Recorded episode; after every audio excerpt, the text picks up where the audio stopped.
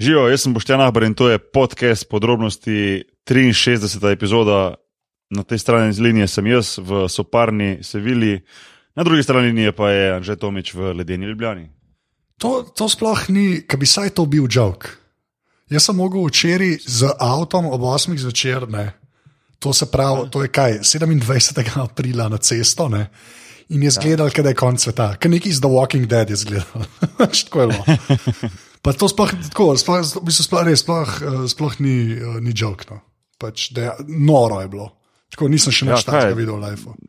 Ja, ne vem, 27. aprila je bil sneg, ni to weird. Pač. Jaz mislim, da je to dost uh, Ja, ja. bizarno samo po sebi. Tako res. Tako, Definitivno. ni- Nisem še nikoli nič takega videl. no. Tako Da, vem, da se o vremenu ne, ne bi smela pogovarjati, ampak itak vsak. Ja, ampak gledaj, ne moreš mimo tega, ne mimo tega ne moreš. Ja, to je res. To je res ja. Ja. Ne, res, no, bolano je. No. Mislim, jaz, ne- jaz nisem še videl Ljubljane take. No. Ja, jaz malo vidim, kar vidim slike, pa to prek neta, pa se pol kar sploh ne moreš predstavljati, da, da je v bistvu tako sranje. A Veš, kaj mislim, da je v bistvu prav neki sestoj, oziroma zaprte ceste, avtocesta, ne vem. Uh, ne vem, koliko, nek, nek, eni, eni poročajo, da je nekaj 10 cm snega, da imajo pa take fore, mislim, pravno. mislim, Ja, majbo, no. halo. Noro je. A veš, no. Ja, dokaj. bomo kres kurli, kaže, mislim, veš, kaj mislim. eh, Ja, kičast. Mlaj se, ja, mi pa sneg. Ja, minimalno to je. Ja. Uh, Drugače je redno. Drugače, drugače pa kul. Cool. Ra, razen s- snowpokalipsa, karkoli je to, Ja. je vse ok. ja. Okay, okay. Uh, v glavnem, ja, v 62. epizodi smo govorili z J.J. Redikom, igralcem L.A. Clippersov. Um, tak, bom rekel, zelo zanimiv pogovor no, z, z enim, um, kaj bi rekel, sopodcasterjem. Ja, K- kolegom podcasterjem, tudi on dela podcast. Uh, v prejšnji epizodi smo danes govorili o tem, da si to pogledati oziroma poslušati. Um, je bilo sigurno uh, zanimivo malo mal se pogovarjati z, z NBA igralcem o aktualnih NBA zadevah znotraj, znotraj ekipe oziroma znotraj NBA z nekom, ki tam to živi, igra, doživlja, kakorkoli že. Tako da to je bilo to. Um, to je bila 62. epizoda. Uh, Anže, admin. Ja, podrobnosti valjda najdete na aparatus.si, smo tudi v iTunesih, hvala vsem, ki ste dali tam že oceno. Sicer imamo pa še služnost Kornaka, ki tvita na afna aparatus, počrtaj si, pa na Facebooku smo tam, če posrčite aparatus si. Uh, sicer pa ful hvala vsem, ki ste že podprli aparatus, spomnim, ki ga še boste. Uh, to pa naredite tako, da greste na aparatus.si slash podpri oziroma slash salca, v tem trenutku jih je samo še devet. Pa jih še nikoli- devet, evo. Tako, samo še devet. Ja. Tri četrtine ducata. Tri- Lahko nehaš s tem duca. Ti si, ta, ti si v bistvu matematik, pa meni nisi povedal. Ne. To, to je za moja zadnja Vedno bil. teorija. Vedno bil. Sorry, sorry, Fin. sorry, Juri Vega. Ja. Um, glavno, ja, tudi v mojem imenu res hvala tistim, ki, ki podpirate mrežo Apparatus, pa tudi ta podcast, uh, ki ste aktivni ali na uh, socialnih omrežjih ali na, prek iTunesu, da dajete ocene, komentarje, uh, da podpirate mrežo. Uh, tako kot je Jan že povedal, um, tako da ja, en, en velik thanks. No. Uh, danes je pa gost eh, Grega Nahbar, moj brat, on je bil že ne parkrat na tem podkastu, z njim ponovadi seveda govorimo o košarki, rdeča nič je košarka. Uh, zdaj glede na to, da je začel NBA playoff, uh, da je, da smo tik pred uh, finalnim turnirjem Eurolige, uh, da se dogajajo neke stvari med FIBO, Euroligo in tako naprej, se mi zdi, da je mogoče biti tak moment, da fajn malo govorimo o košarki. Ne bomo pa se normalno ne, ne govorili samo o košarki, se mi zdi, da nas vedno debata zanese še v druge vode. Tako da en tak sproščen, sproščen pogovor za. Če to poslušate v ponedeljek, za ponedeljkovo dopoledne, oziroma popoldne, če je to ponedeljek. Um, To ne- nikoli ne veš, nikoli ne veš tega Nikoli veš, podcasta. ne Ja. Pravim, glede na to, da pač podcast ne hodi v ponedeljkih. No. Ja. Če, če poslušate to v sredo, tole ni sproščen pogovor, ampak se sam žalimo. Sam- Ne vem, pač se povem. Pa vidi, v glavnem, uh, nič, a je to to? To je to. Ok, ajde, Anže, štarti zadevo.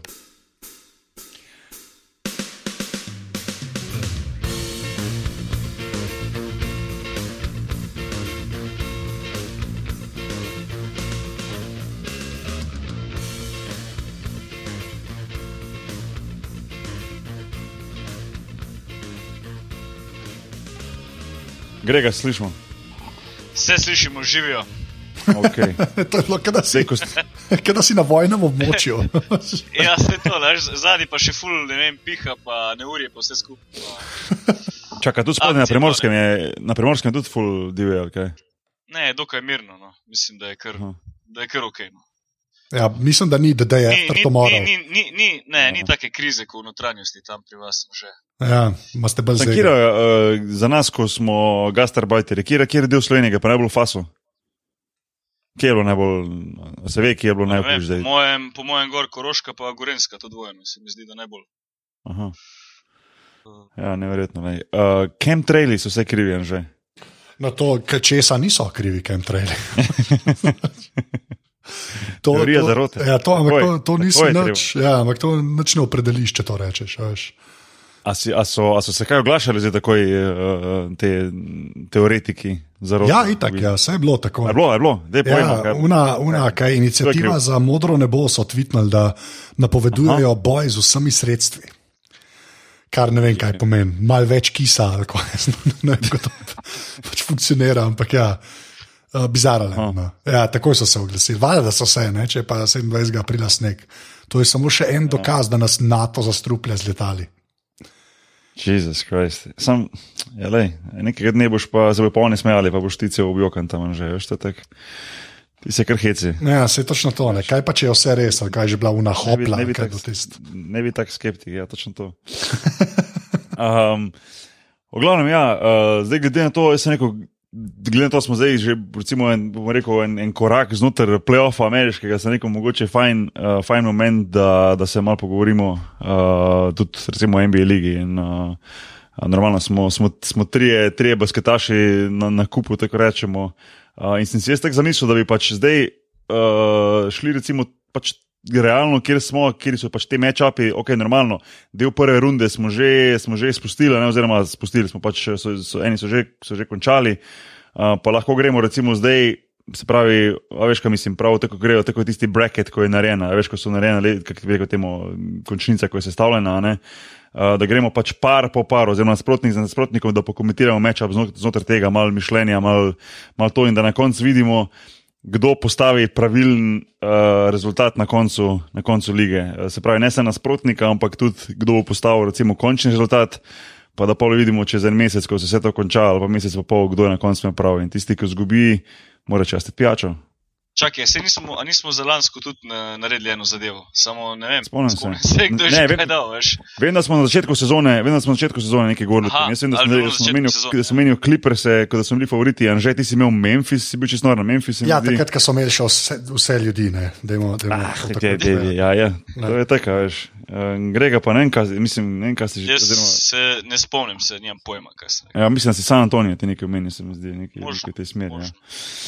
Um, v glavnem, ja, no, zdaj, recimo, če gremo kar po vrsti od shoda, recimo prva, prva um, pa mogoče Prva- malo prva prva- runda. Prva metla. Prva, ja, recimo prva, prva, prva metla. No. Um, se pravi, Cleveland, uh, Cleveland Detroit. a Ne. Ja. Uh, jaz sem, jaz, sem, jaz sem, tako povedal, sem tu le mislil, da bo malo bolj zanimivo, vsaj kar se samih te, tekem tiče, v smislu rezultata, da ne bo 4-nič. Sem, sem upal, da bo Cleveland vsaj lahko eno ali pa dve tekmi zmagal, da bo malo bolj zanimivo. Sam, kolikor sem bo uspel spremljati, malo sem gledal, ali malo dele tekem, ali kak polčas sem si pogledal, ali kakšne highlighte, pa tako, to, ko vidiš. Uh, so bile zelo, zelo zanimive tekme, pa so šli zelo grobo noter v Detroit, kar bi si tudi predstavljal, recimo od Van Gandija, a ne kot trenerja. Uh, oba, to smo že v prejšnjem podkastu malo govorili, sta oba brata znana po tej čvrsti obrambi, po trdi košarki in tudi so v bistvu, uh, recimo Lebrona, so dost, uh, dost fizično probali sprovocirati. Veš, uh, vsakeč, ko je šel prodor, je dobo kjer teh po glavi, po roki, veš, tak je bil za tak trdi basket, kar se tudi pričakuje in kar je v playoffu tudi nekako normalno.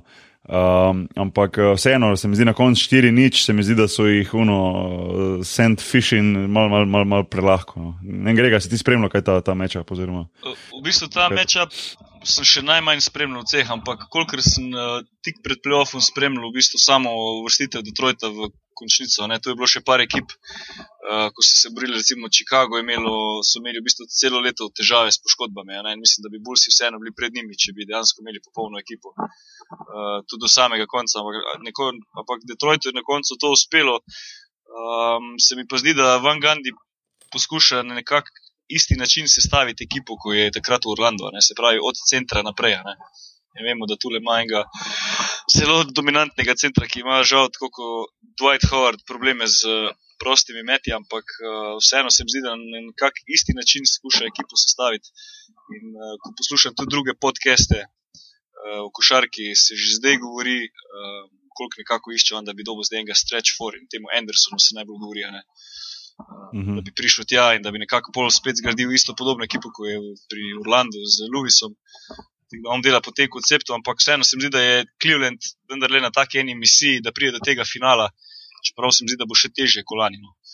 Uh, da bi pol na koncu bili vseeno prvi. Aha, ok, no sej, to sem mislil reči, samo ta recimo ta Andrej Andre Drummond, ki je v bistvu ja. dominanten.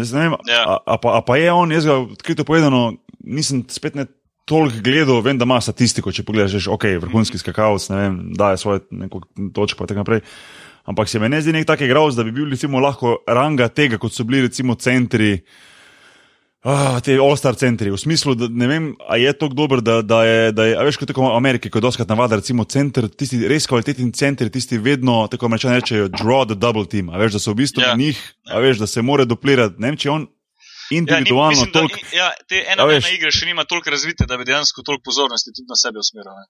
Mm. In uh, lih v tem dosti govorijo, da mora v bistvu znati zaključevati z levo in z desno pod košem, da, da dobi ta game v bistvu, ne, neko igro z ena na ena s hrbtom in da lahko spodi malo bolj agresivno igra. In mislim, da če bo tu napredoval do naslednje sezone, se zna to bistveno spremeniti za njih.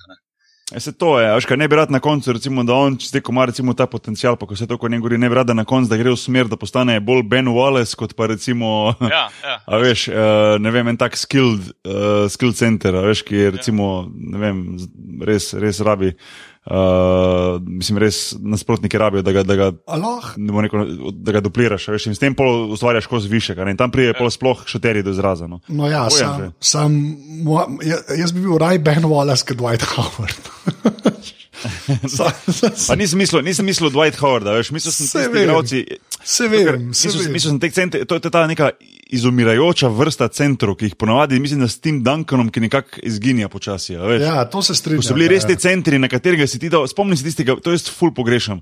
Grega, ti se vem, da se dobro spomniš tega. Spomniš tisti cajt, ko se je recimo igralo um, 90, pa tudi mogoče začetek 2000, pa 2002, 2003, 2004, 2005, ko se je igralo tisti basket, ko si res prišel čez polovico, pa si dal centr žogo, pa so se pa štiri čakali okoli rakete, okoli trojke, center je ja. pa dejansko igral ena proti ena. In si imel ti Vlađovona, si imel, uh, si imel uh, Ewinga, si imel Robin, Robinsona, si imel ja. potem Kiš Duncan, piš kasneje. Uh, in tako naprej, si imel Rick Smith, veš, ne vem. Konec koncev so tudi uh, štirice bile zelo agresivne. Imel si recimo ja, Webra, ja. Malona, Barklja, še ja, še ja, vedno se je ja, igralo ja, od znotraj ven, ne? zdaj pa vse obratno, vse v bistvu na, na perimetru od zunaj se igra, razni roll, se igra široko. Centri je v bistvu edini tisti, ki po roll dejansko uteka v raketo, da lovi žoge not in pol mogoče na ta način vleče malo obrambo skupaj. Ška, basket, basket se je tako spremenil, da v bistvu štirke so po večini postale res te streč štiri igralce. Veliko trenerjev ja. igra na to način, da pač ima štirko zunaj, da, da ustvarja ta prostor, ustvarja ta višek. Včasih uh, je bilo to, je bilo to drugače, sigurno. No. Zdaj, zdaj se mi zdi, štirka, če primerjaš zdaj eno, že skoraj, da rečeš, že skoraj, mislim, kaj je danes sploh klasična štirka? Danes je klasična štirka že bolj skoraj stretch for kot pa for, a veš, kaj mislim? Ja. Danes. danes se pravi, bijaš, če, če gledaš v bistvu tiste osnovne pozicije, ko so dali na začetku, pred 50 mm -hmm. leti, uh -huh. uh, point guard, shooting guard, small forward, to je bilo nekako čisto na začetku, ko se je košarka, se mi zdi, šele začela ja, igrati, ja, ja, da so se te pozicije dejansko postavljale in tako se vsaka stvar čez čas uh, razvija, neke nove smeri, isto je pri košarki in dejansko tisti center ni več center, kot bi pred 50 leti. Nisi več ja, majhen, ja, ja. ko stojiš na penalu, pa vročaš levo, desno žogo. Čeprav na neke trenutke so ene ekipe tudi igrali, recimo Kingsi so dosti igrali. Kingsi so imeli. Z visokim postom, ne, pa so imeli rešitve, kar je super zadeva. Se mi da se vse skupaj toliko spremenja, da dejansko ne, zelo težko opredeliš igralca. Tudi recimo za Lebrona, ko rečeš point forward za njega včasih. Mm. Take različne pozicije zdaj dobivaš, da, da je težko. Ja, če se, če se je basket res, res se je face spremenil in face je v bistvu. Uh, Ja, face je spremenil, sama igra, samo dojemanje, samo, samo, sama taktika se, se je face, res face spremenila. No, že jaz, če z mojim časom, recimo, primerjam takrat, ko sem jaz igral, recimo, pa jaz mi jih sem videl, nekako sem prišel, sem bil konec tistih, tistih začetek konca tistih klasičnih centrov in te igre, a veš, z Jao Mingom, Ja. pa recimo z Shakilo Nilom, pa, ja. pa tek naprej. a Ne? Zdaj to je pa rešilo čisto na drugo smer, ker imaš ti dejansko centre, če govorimo o centrih, res samo za shot blokerje, skakavce, pa za kame, kamenjare iz penalov. A veš, kaj mislim? mislim to je že kar nekako postalo pravilo skoraj, a veš, mislim, ja. že kar mal. Ne, um, ampak ja, no, vse je normalno, da se košarka razvija in prav, da se razvija in prav, da gre pač v novo smer, kar je pa bilo vedno všeč pri američanih, pa kar smo tudi že v, v prejšnjih podcestih govorili, pa to, da američani vedno znajo nekako prirejati pravila, pa, um, pa usmeriti igro v pravi smer, tisto, kar oni razumejo, da je res najboljše tako za igralca kot za navijača. Veš, in to se mi zdi fušeč, da, so- da so zelo aktivni pri tem. No. Um, ok, naprej, uh, druga, druga, drugi matchup, uh, Atlanta-Boston, trenutno 3-2. Uh, verjetno zdaj, ko bo ta podcast zunaj, bo to že malo spremenjen rezultat, ampak recimo, no, uh, zelo, zelo, zelo izenačena serija. Um, Ja. Boston me je pozitivno presenetil, jaz mislim, da so bili oni za mene vsaj uno flying under the radar. Jaz nisem uh, pričakoval pred sezono sploh ne, da bo oni prelezli do petega, tudi eni bo rekli, ja, pa vzhod je bolj švoh kot zahod, pa tam se da, ampak vseeno se mi zdi z eno ekipo. Dosti mlado, z mladim trenerjem, ampak očitno delajo dobro. In kar mi je sploh všeč pri njih, je pa to, da se dosti govori, da imajo zelo dobro ogrodje, pa zelo dobro, recimo, uh, sestavljene pogodbe za naprej. Se pravi, bodo imeli dost prostora znotraj selere kepa, da si bodo lahko privošli igralce, da bodo lahko šli v nek lov za nekimi igralci uh, in da imajo zelo svetlo, svetlo prihodnost. No. Pa najbolj Um, nadležnega Atlant- playa ever. Sam to bom rekel. Najbolj antipatičen play v zgodovini človeštva. No, pa povej mogoče za tiste, ime, priime, da Thomas, bo- za- No, tako je. Če pa, um, pa večjega indijanca. 175 175 visok pa je. Ja, Ostar igralec letos. vem, letos igralec. ja, ja, ja. Uh, Lih če, če, videl- če zobe gleda, ki podaja. Ja. Lih, lih dan sem videl en tweet, pa mislim, da ga je lih NBA objavil, dotkom, sem nisem čisto siguren, da je v bistvu, pa mogoče kak teh novinarjev ameriških, um, da je uh, recimo Atlanta Boston, da je to matchup of the second rounders. In bilo res, je, mislim, da je bilo šest ali sedem igralcev, ki imajo vodilne vloge znotraj teh dveh ekip, so bili vsi uh, second rounderji ali pa nedraftirani. Ne? Um, mislim, da je bilo od Karl Korverja do Azeja Thomasa, do uh, Paul Millsap, do tisti Bazemore, ko sploh ni bil draftiran, pa še ena dva so omenili, ne morem se spomniti, katero. to. Tako zanimivo, no, veš, in to ti, to ti pove v bistvu, koliko je ne, na nek način nepomembno, kje točno si draftiran, koliko je v bistvu važno, v katero ekipo priješ, da se lahko razvijaš. ne. To čistek, uh, čistek mi grede. Ampak ja, um, jaz pričakujem, da bo tu šlo do sedme tekme, no, znotraj te. Znotraj te Ja, me- Meni je Atlante, recimo, ful škoda, meni so oni ful všeč, načeloma. Mm. -hmm. Pač oni so mi tako, ker zgleda, kot normalna basket ekipa. Pač.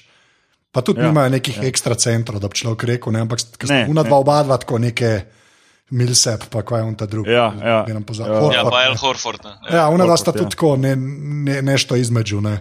Sam en zgleda tako, bistvu oni- zgleda mi ležitno. Tako, pač. Ja, oni imajo, mislim, da bolj kot ne isto ekipo, kot lani skoraj. Ne. Mislim, vsaj to jedro je ostalo. Uh, čeprav so imeli v bistvu lani bistveno boljšo ta redni del kot letos. a Ne. Ja, letos so čist neki implodirali, Ja, nekaj letos- dogaja, pač, ne vem, kaj je to. Ja, zelo, Uh, so zelo nihali.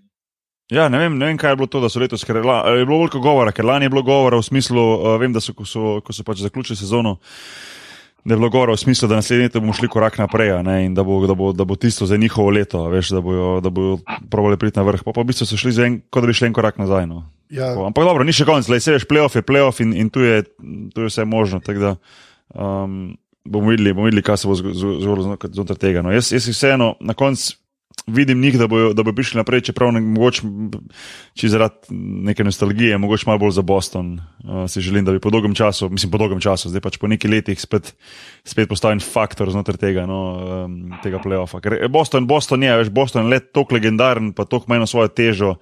Um, v bistvu najbolj, najbolj, najbolj uspešna ekipa v zgodovini v NBA. In, uh, uh, je lepo videti njih, njih zraven z neko novo ekipo. No. Meni, meni, je to, meni je to vedno fajn gledati. No. minus Ja, v bistvu Koga so vi- se, v bistvu vi so se kar hitro, ja, kar hitro so se pobrali po tistem, ko so v bistvu razbili tiste Hall of Famere strana, ne, od uh, Elena Ja, Pisa. ja, ja, ja, zelo hiter. Ja. Zelo Ponovadi ekipe dlje časa rabijo, recimo LA, ne vem, kdaj bo prišli zdaj spet v playoff. A veš, kaj je, LA, tako je, ne, se mi zdi, da. Ja, možno je, da ne bojo te hitro prišli, ampak Lakersi so le Lakersi, a veš, in tu je dovolj. Uh, to je tudi ena od takih močnih imen, pa takih močnih ekip, da bo recimo, če boš ti imel dve ali pa tri ekipe, ki bojo zelo, zelo isti rebuild situaciji, a veš, se bo nek free agent dost prej, če recimo govorimo res o enakih situacijah, pa zelo čist na pamet rečem, ne vem. In, ampak to čist, čist na pamet govorim, ne vem. Portland, Utah, Milwaukee, pa Lakers ima isto situacijo. a Veš, en velik free agent se ti bo vedno prej. Ti bo prešel v Ja, Lakers. prej bo šel v Lakers, ja. Eno zaradi zgodovine Lakersov, drugo je pa zaradi tega, kaj vse prinese individualnemu igralcu, ko si Laker. Veš, poleg tega, da živiš v LA-ju, ki je. Ne, drugo je večin- zaradi tega, večino- ker bo zdaj lahko na koš metal, ker ni kobija več. Ja, ne, ampak v smislu, a veš, to ti to, to, to prenese več, več stvari zunaj same košarke, velik market, ne vem, uh, uh, ne vem, toliko več sponzorjev dobiš zraven, toliko več appearanceov imaš, toliko več night showov imaš, ki se tam snema, si gosta, veš. In nekako tvoj brand individualen veliko bolj zraste v nekem LA-ju kot pa v Milwaukeeju. A veš, kaj mislim? Zato bo, dejansko res. Vem, te ekipe- understatement of the year je bilo to. Ja, ampak. A veš, ampak. Je se lahko samo kakšni lovski koči slikaš. Se to, veš, ampak zato pa bojo vedno imeli ekipe, kot so recimo Lakersi, New York, uh, Chicago, Miami, te, te marketi imajo vedno avtomatsko prednost. Ne, ne glede na to, koliko, koliko se liga trudi, da bi zanačila to uh, z določenimi pravili, pa salary capi, pa, pa s temi stvarmi, uh, nekako nekak bodo te ekipe vedno imele prednost. No, že zaradi samih mest, veš, kot takih. No. Uh, ampak dobro, no, recimo. Se pravi, Cleveland je prišel naprej, recimo, ajde, da Atlanta, Boston, koga rečete, da bo šel tu naprej? Že ja, se strinjamo, Atlanta vsi ali. Ja, jaz, bi jaz, rekel- jaz bi rekel Atlanta. No. Ja, jaz tudi rekel, jaz sem drugač full fan Celticsa, sam Isaiah Thomas mora izgubiti, tako da Atlanta.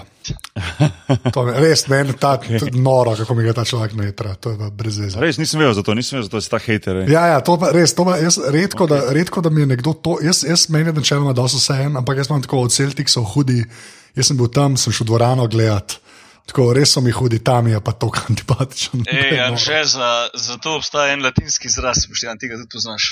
Ja, Za heterja. ah, haterus maximus. Ja, ampak se, se pravi, ne, ampak tako, iskren, jaz bi, ful, ful meni je ful čudno, no, da je Atlanta to gnila letos, no, ker so res, meni so oni zelo všeč bili. Tako še ta, kakor trener njihov je bil prej pri uh, Popoviču, ne, pomočnik stoletne. Se vidi, da malo to zadevo furajo, pa pol so splitterja vzeli, pa tako sem mislil, da bo kaj. Ja, pa- ja, ja. Ampak ja, po mojem je Atlanta. No. Ok, ok. Pa tudi ime podcasta že imamo, haterus maximus. Ok, gremo naprej. Uh, ime epizode. No. Ja. Uh, naslednja, Ja, Miami bi, če bi bil tak Povej. podcast, bilo pa res neugodno. da bi se imenoval podcast. Heterus Maximus. Pa sam šimfali bi skosa, veš. Ja, no, Uh, ja, naslednja, uh, Miami Charlotte. Um, Ja, kva se kle dogaja? Lej, tu trenutno danes, ko snemamo, je rezultat 3-2 za Charlotte. Zelo, zelo, zelo presenetljivo Charlotte dobo tri tekme zapored. a ne. ja. Ja. Um, Miami je imel uh, za mene mogoče lih mal nadpričakovani dobro sezono, glede na to, kakšne težave so imeli sploh z Bošem in z njegovimi. Uh, z njegovimi zdravstvenimi težavami, uh, ki še zdaj avt, čeprav danes sem videl neke reporte, da naj bi se mogoče vrnil k malu, ne vem, koliko je to res, pa koliko, koliko ne. Um, a to mogoče hoče sam šar, malo hornice straši, zdaj da se bo kar naenkrat vrnil. Okay. Ampak um, uh, sem pa presenečen na Charlotte, no, da je v bistvu, uh, ko, ko je enkrat bilo 2 nič v Miami, Miami sem rekel, ok, 4-1 bi nekako bilo za pričakovati na koncu te serije za Miami. Da pa v bistvu Charlotte gre na 3-2 zdaj, pa da je v bistvu Miami v tisti situaciji, kot rečejo američani, facing elimination.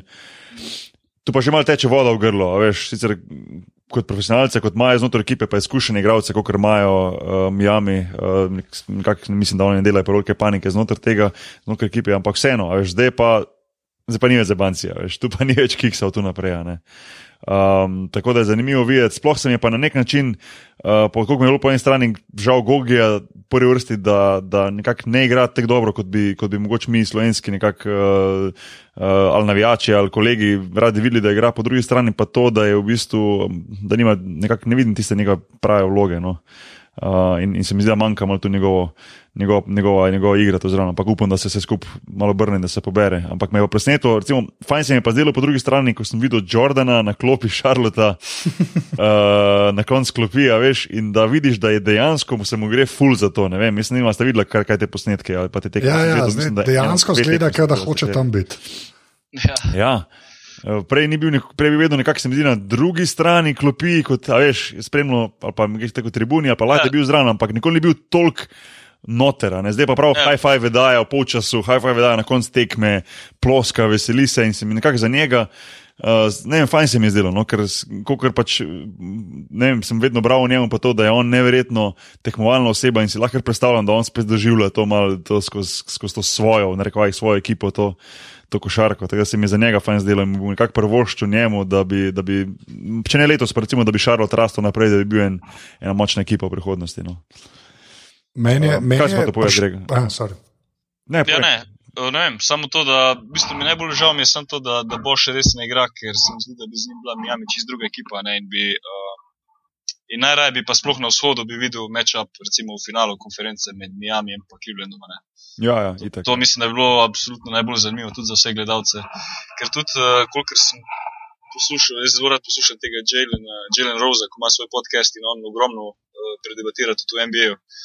Uh, in mislim, da je rekel, da Lebron letos in pa mislim, da tudi lani, da sploh še v Miami ni zmagal, kar je šel stran. Aha, aha, aha. To je Aha, tak ja, zanimiv podatek, ne, veš, in bi bilo ful dobro videti, ne. Če bi se dejansko te dve ekipi zgodila- srečali, ne. Zdaj si me spomnil nekaj. Ena, stvari, ena od stvari, ko se je zgodila, recimo, um, zdaj, verjetno naredijo ameriški mediji vedno iz najmanjše stvari, full veliko stvar, ker pač, to je pač Amerika in to je pač tako se te stvari delajo. Ampak se mi zdaj, ko si me spomnil, recimo, da on še ni zmagal proti Miami, recimo, vem, da je bila ena frka, lih je ne 14 dni nazaj, mogoče 4 tedne, eh, par tekem pred koncem, mogoče 5 tekem pred koncem redne lige, ko je v bistvu uh, LeBron James. Uh, se med polčasom proti Miamiju, uh, v bistvu med polčasom, medtem ko se je njegova ekipa segrevala, se je v bistvu on na, pol, na, na, na sredini terena pogovarjal z Wadeom, pa se, pa se na nek način zabaval, medtem ko so bili pa oni minus 20 in na koncu tudi zgubili gladko. Veš, Ja, pa Bila ne ta samo to, frka. v bistvu tudi med sezono, ko so imeli pauze vmes, je on šel do, na Florido, pa sta z Wedom skupaj trenirala. Tudi to se je že dogajalo. A res, ok. Ja. Aha. Tudi to se je dogajalo, tako da je ogromno zdi, da- takih No, zgodb, ne, in se mi zdi, da- mediji in američani takoj naredijo ven velik buk. Čeprav le, se mi zdi, da, lej, uh, se mi zdi, okay, da to, da sta ona dva ful dobra kolega, to je tako vsem znano, to je to čisto ok, to, da meni ne more nič reči in to, hvala Bogu, da je tako, mislim, se je kaj boš govoril, Ne, kdo lahko, lahko človek kolega, ne. Tudi moji najboljši kolegi so, recimo, niso nujno vedno moji soigravci, da oče tega, ne. Ampak, uh, Se mi zdi, da vse ima svoje meje, nekako. No. Znotraj sezone se jaz ne morem predstavljati, da bi šel trenirati z komorkoli drugim, uh, ne glede na to, kakšna je situacija. No, ampak dobro, le, to je pač vsak, to je pač NBA in to so pač. To je pač malo drugačen svet in te, te, te zvezdniki res lahko sami no, imajo ampak- malo veliko bolj proste ena, roke. Ena, Ampak stvar, dobro, no. ko, ena stvar, ko se mi dejansko raz, zdi razlika med Clevelandom in Miami, je ta, da pri Miami vseeno uh, se mi vseeno mi deluje kot bolj organizirana. Uh, rekel ekipa v smislu vsega skupaj, tam je Pet Rajli, le en tista ikona in vodi cel klub in klub ima neko tradicijo, neke, neke svoje standarde. Medtem ko pa, ko pogledaš se mi pa zdi, da se vse okoli Lebrona vrti in da je on tisti, ki on reče, te stvari dejansko so. a Ne? In če bi Mhm. bila obratna situacija, če bi recimo, ne vem, Dwayne Wade šel med polcajtom tja do ne vem, Lebrona, pa se neki zabaval, dvomim, da bi se to zgodilo. Da bi vseeno, da ima Miami neko bolj tako resnost Ja, ja, samega ja. pristopa, veš, tem ko Cleveland pa. Kaj, se mi zdi, da pač James ima res to, koliko, to koliko moč znotraj Clevelanda, da Ja, ti samo lahko ja. ja. prvoši. Medtem ko pa Wade niti verjetno nima niti noče tega. A veš, kaj mislim, Mm. sta pač drugačna Mm. tipa. A veš, kaj mislim. Ja, da bi seveda. Šel pred tega. Ampak, lej, bomo mogoče prišli kasneje do tega. Lej, uh, Anže, si hotel še kaj dati zraven, ali boš sam zbral tule, koga imaš za naprej, Miami, Charlotte. Ma, jaz bi rad, da Miami prije naprej. Moram pa reči, da mi Ja, je ja. Charlotte zmeraj bolj všeč. No? So kar neki sestavili tam. Ja, uh, Je tako, dejansko zgleda kot skoraj kot normalna ekipa. Veš, Batum dobro igra. Pa imaš tega, ja. Ja. un Kemba Walker, je tako bil zmeren, dosto redu za enko, ne, pa Lilja ja. Ja. polo zadnji, pa ta L. Jefferson. Tako ne vem, no, oni so kar. So ekipce, ja, so ekipce. ja. počasi so neki sestavili, ki je v bistvu mogoče celo boljš, kot bi mogli biti. Tako, ne vem, no, tako. Ja, ja, ja. Weird, Um, pa weird. Steve Clifford, Steve Clifford je trener, on je v bistvu iz Van Gandijeve šole, veš, on je bil pomočnik eh, Van Gandija v Houstonu, a ne? tako kot recimo Tom Thibodeau, isto, a ne? tako je zdaj podpisal v, v Timberwolvesih, ki je bil prej trener v Chicagu. V. Chicagu. Ja. Tako, tako da to so vsi nekako, da rečem, na rekovajih, Van Gandijeva šola, veš, v smislu, vem, da, vem, da dobro delajo, vem, da mislim, vsi dobro delajo, ampak vem, nekak pristop imajo, kakšna je resnost, kakšna je, kak je, kak nivo je tu nekega. Nekega pričakovanja od stafa, veš, kot, glav- kot head coach. Imaš, imaš neko, ne vem, tako bom rekel, le, bil sem v različnih ekipah v Ameriki in niso vsi trenerji vedno zahtevali isto od stafa in od ekipe. Ena izjema, velika je bil recimo Jeff Van Gundy, ki je bil neverjetno strok tako do zadnjega igralca v ekipi, kot do prvega pomočnika, kot do fizioterapeuta, kot do vseh. Hotel je skozi maksimum, veš, kaj mislim. Ja. In hočem reči, to je pač. A veš, se prenese ta delovne navade, pa to se nekako prenese in, uh, in me ne preseneča, da je Šarlot tako uspešen. Pa še Ewing, sem videl na klopi Šarlota, je v bistvu je pomočnik tam, ki si že dol- dolg časa želi postati uh, head coach, pa nekako ne dobi, ne dobi priložnosti. Ok, recimo, da gre Miami, da je Miami se eno zvleče, da gre naprej. No. Uh, naslednji matchup, uh, Toronto-Indiana, tudi full dobra serija. No. Ja. Uh, presenetljivo dobro se je Indijana opira, oziroma presenetljivo slabo Toronto igra. Igre do zdaj niso bile neki, ne glede na to, da vodijo 3-2. Ne. Um, ne vem, ima takaj za. za To je mil, milo rečeno, klej bi mogel Toronto pridati 4-0, pa itne, če se Ja, ja, mene vpraša.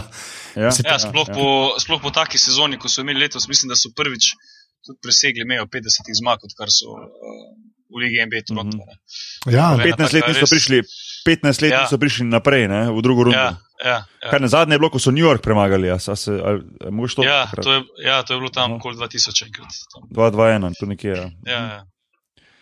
Še Vince Carterjevi dnevi, nekako uh, se, mi- se mi zdi, da ne vem, ali so to samo želje, pobožne želje, ali je to resnično, mislim, resnično, ali je to lahko možno res, da bi recimo Vince Carter na sedem sezono zagral Toronto, ne vem, nekaj sem videl, neke reporte. ta bila pa lepa. Ful bilo dobro. To je bilo. Ful, ja. ful. Jaz sem drugač, ne vem, če ga še imam. Od uh, Raptorsov un dres, ki so, ki so naredili uh, franšizo, ne, Ja, so dal ven unaš, ki je imel uh, prav Raptorja, pa je bil vijoličen. ja, ja, Ja, ja, tudi itak, ja, ga je prodajal v Ljubljani in sem ga kupil. Ima, Aha. v zadnji je 95 cifra, pa nima imena, zato sem ga vzel, ker je edini, ki nima imena, ker z imenom je weird, kako hoditi. Pač, ne glede na to, koga imaš. Ja, Ne, ja, ne moreš z imenom okoli hoditi, meni je to bizarno. Ampak, pač. Ampak ni zanimivo, kako so bili recimo lih oni, ne vem, kdaj so, so bili oni ustanovljeni 95, da je 95. Ja, ja, celo. 95, ja, Aha, točno okej. to, to je bila fora. Se pravi, zdaj recimo 20 let nazaj, ne, kar v bistvu tako gledaš, nekako kako hiter cajt gre pa to. Ne. Takrat je bila to nova ekipa, ampak zdaj je pa ta dres že nekako legendary. a Veš, Ja, kaj- ja, to- že malo ima so- svojo zdaj- so ga parkrat imeli kot vintage, veš, kaj imajo une vintage nighte. Ja, ja, ja. Ja, So ja, dejansko ja, v teh dresih igra, kar je čisto vrhunsko. Pač. Dobra fora, ja. dobra fora. Ja. Ja. Um, dobro, Indijana pa nekako eh, se mi zdi, da se ful, ful uspešno upira. Um, nad pričakovanji naredili so to serijo zelo zanimivo. Uh, in um, dobro, ter Toronto zdaj vodi 3-2, zdaj gre serija nazaj v Indijano. Uh, vse je možno, čeprav jaz mislim, nekako, da je red, da bo se mi zdi, da bo Toronto na koncu z- zvlekel ven. no. Se strinjate ali imate kako drugačno? Ja, jaz bi varianto. rekel, navijam sicer za, bolj za Toronto, ampak um, ne bi presenetilo, če bi šlo skozi sedem tek. Aha. Ja. Okej. Ma jaz pa mislim, da bojo nekako zvlekali. Ker tok, tok cajta, DeRozan pa Lauri ne morata slabo igrati. Pač ne mogoče, je, da tok cajta slabo igraš. Jaz tekam, da dve, tri tekme ne gre, pa pa valjda enkrat začneš normalno špilati. I Ja, ja, hope. ja. Ja. Mi je pa tam, je ta je še model, ta center, kaj je ta Litvanc. Valčunas. Ja, tam je en tak, en tak throwback, to, kar si prej govoril. Ne. Eno teh, Ja, ki ja. bo mogoče lahko špilo normalno, ne, kot Ja, center. ja. Ne, z velikim C, ali ne vem, kako se temu zdaj reče. Ne, ne tako kot je Draymond Green, center, Ja, ja, ja. ne, s prezirom. Ja. Ok, zdaj pa skočimo na zahod, pa gremo hitro skozi to prvo, prvo, rund, mislim, prš, pr, ja, prvo rundo. Uh, Golden State Houston 4-1 4-1 zaključila serija, uh, po pričakovanju, nekako kar se tiče rezultata. Uh, Houston je zvlekel edino zmago z, z res tistim buzzer beaterjem na koncu uh, uh, Hardena, ki je uh, vseeno, ne vem, enega omenja kot enega najboljših igralcev v ligi, za mene, ne vem. No. ja, dajmo se to pogovarjati. Kaj, kaj Ja, to mi je tako, ne vem sploh, kak, na kak način ne začnem. Smešen je po svoje, no? z vsem respektom povedano. Ja. Zato, ker, zato, ker mislim, smešen. Ja, po svoje je smešen, ker če pogledaš njegove, veš, tako imaš highlights, pa če pogledaš lowlights, so zelo, zelo, zelo ne. Uh, sploh kar se tiče obrambe, pa, pa tistih par stvari. Ne vem, bomo dali link, magari. Uh, Shaktina. mislim, da Pet, ja, pet Ja, ja. najhujših njegovih for, kjer so dejansko, ne da ti ne bi to od NBA igralca pričakoval, kaj on dela, ampak v bistvu ne bi pričakoval, niti približno ne od, oziroma na robe sem rekel, ne da ne bi pričakoval od ostarega igralca, pa zvezde NBA, ampak to ne bi pričakoval od najslabšega igralca v Ligi NBA, da dela take napake. a Veš? Uh, sploh en, ena, ena, ena mi je bila absurdna, ko so igrali proti New Yorku, pa je njegov soigral zgubil pri terenu na, na, na, na sredi igrišča žogo, oni pa edini zadnji obrambi. In pol na mestu, da je unga igralca, ki je ukradel žogo, ena na ena probo zaustaviti, Se je začel napizdevati unga drugega. zakaj izgubil žogo. ja, mislim, Ja, sem videl. ne moreš verjeti. Tako da um, se mi zdi, da uh, Houston normalno bo, on bo, on bo igral v Houstonu še nekaj let in bo mislil, da bo to face opraviti, zato ker če hoče biti pravi lider, za kar ima talent, da je nedvomno. Uh, bo tu treba ene močne stvari, ene stvari face spremeniti. In uh, tu se že omenja zdaj kot povratnik, trener Jeff N. Gandhi, pa jaz točno ne vem, s katerim razlogom ga lastnik hoče tam. Ne, uh, Ja, ja. S tem, da, da, da, da te svoje zvezdnike postavijo vrsto in da jim točno pove, kar jim more nekdo povedati, da se lahko tekme zmagujejo. Me- Meni je, men je to Veš. noro, da, da si lo, ker, ta, ker je res načeloma Harden je vrhunski, ne? pač to je dejstvo. Ja. Ampak da si pol po drugi strani pa tak, pač bednik, to jaz, jaz, to, ne vem, jaz, jaz, jaz, ne znam, jaz ne znam v glavi zracionalizirati, kako lahko tako razmišljaš. Ker Tako. Ja. on, je, on je en korak stran od Lenca Stevensona. Veš, kaj se Ja. Pač Len Stevenson ja. je še slabša verzija Hardna. Ne? Razumeš? Ja, Ampak ja, ja. No, ne vem, jaz, jaz to jaz ne, ne razumem iz tega, res iskren tako, brez kakršnega koli zajbancija ali pa pocenjevanja. Jaz ne štekam, da si lahko tako dober, dejansko dobiš svojo ekipo, razumeš, Houston te vzame, le bomo nekaj Ja, naredili na tebi, ja, ja, pa ja. to delaš. Jaz to sploh ne, ne štekam, to, men, to preveč mi je tuje, no. Sej, očitno je možno, ne. sam ne štekam zakaj. Veš, kako je? Uh, ja, to je NBA. Ja. to je najbolj enostaven, pa najbolj realen odgovor. tako mu rekel, no, v Evropi si nekaj takega doben ne mogo prvošiti, niti približno. Na dobenem Ja. nivoju. Ja. Veš, kaj mislim, na dobenem nivoju, na, na, na, rekel, na resnem profesionalnem nivoju. No. Um, ampak ja, veš. Um, Sam je on ima. ker je cela ekipa hoče okoli njega. A Veš, on je kao franchise. Ja, player. Ja, ja. Ampak on ni tako, on, ja, on ni debil, kot je bil Iverson. Recimo, ne. on je imel pač mm. off-court problem, ampak na igrišču je nekako funkcioniralo. To. On se je metal po tleh, kada je konc sveta. Ja. Ta pa tako, veš, ko se mi non-stop norce delamo, da reden del zgleda, kot trening tekma. Ne. Ta ja. še na trening tekmi ni, ta je prišel tako, te, nekaj smo spustili ven. O, a žogo imamo, a danes košarko igramo, fanti, v redu. Ja, ja. Tako zgleda on meni. Noro. Ja. Sam, ki se mu pa da, je pa vrhunski, je pa eden najboljših. Je pa, je pa, mislim, da več kot očitno, da recimo Howard pa, pa on ne funkcionirata skupaj. Um, Howard mislim, da ima svojo opcijo, da ostane v Houstonu ali ne, ne. Se pravi, ali lahko se odloči, da bo free agent poleti ali pa da produži še za eno leto, um, mogoče za prihodom resnega trenerja, kot, mislim, resnega, kot, ja, resnega trenerja kot Jeff N. Gandhi, ker, ker ga osebno poznam, rečem, da on tu ne špara, ni važno, kdo je, kaj je, mu bo povedal tisto, kar mu gre. Uh, in mogoče mogoč Howard tu vidi znotraj tega priložnost, da če, recimo, če ostane, ker nekako, veš, da recimo, na papirju prednji sta igrala skupaj, da rečeš Harden pa Dwight, to imaš neko bazo, a veš, kaj mislim. Ja. Rečeš, ok, ok, ampak ena stvar je to videti na papirju, druga stvar je pa pol to dejansko uh, probati na igrišču. ne. In mogoče je to varianta, če ne, pa, pa v bistvu.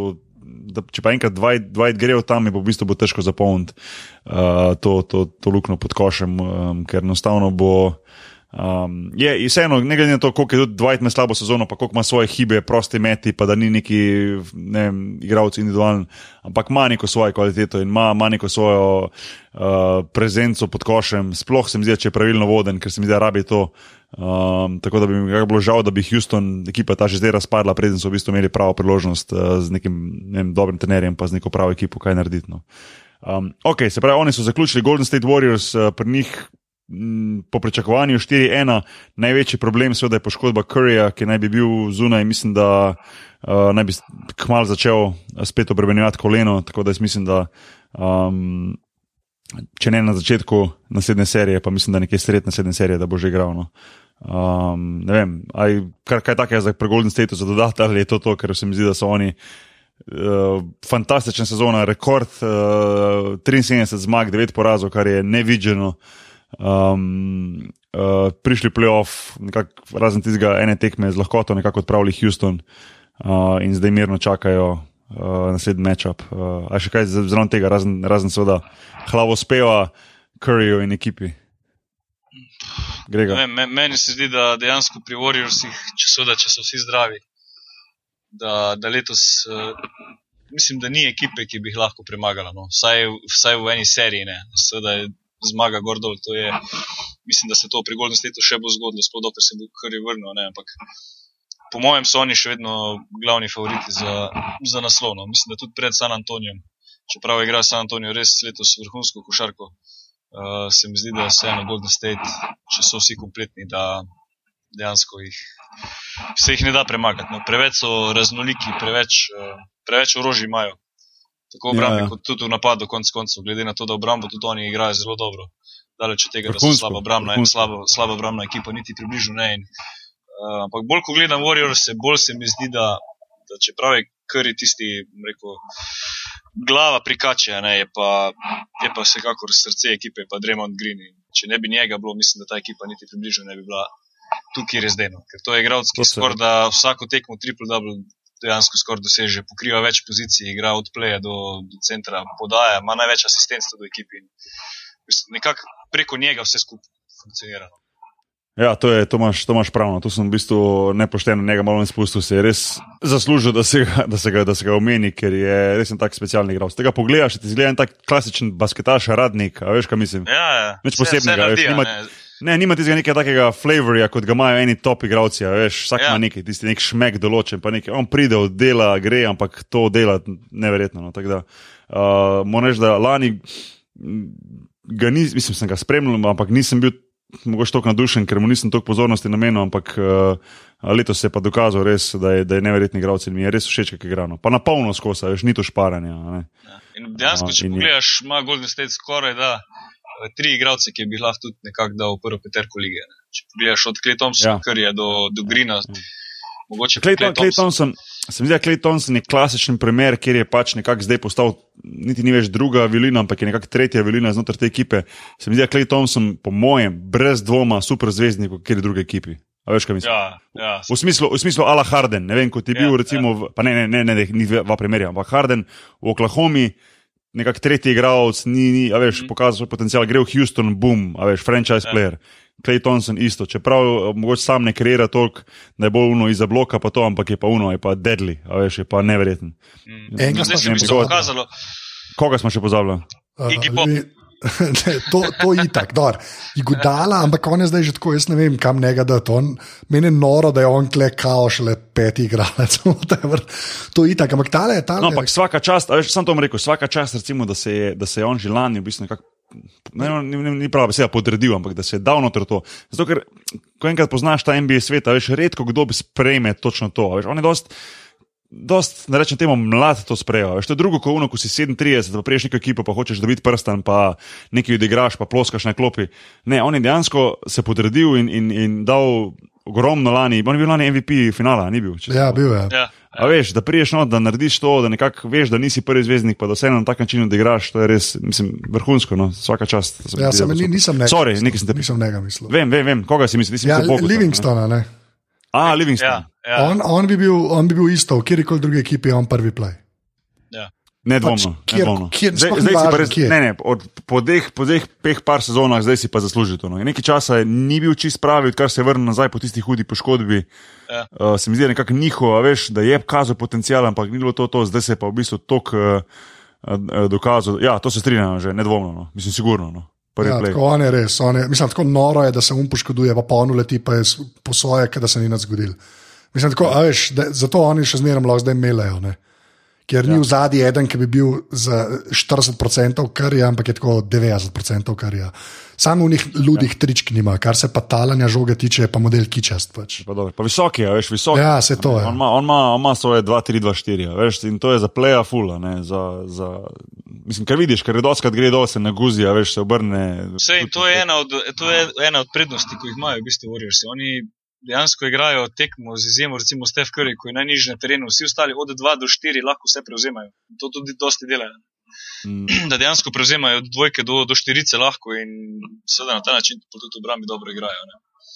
Ja, ja sigurno. Um, ok, gremo naprej. Uh, Clippers Portland, uh, Clippers. Uh, Uh, jaz mislim, da so bili oni nekako pred play- playoffom v stanju, da, da recimo v drugi rundi, uh, ne bom jih rekel, da, da ne bi šli, da bi šli mimo Golden State, ampak naredijo serijo, koliko je to zanimivo. Verjel sem na to, da bi lahko, ampak zdaj po poškodbi Chris Paula pa, pa Blake Griffina.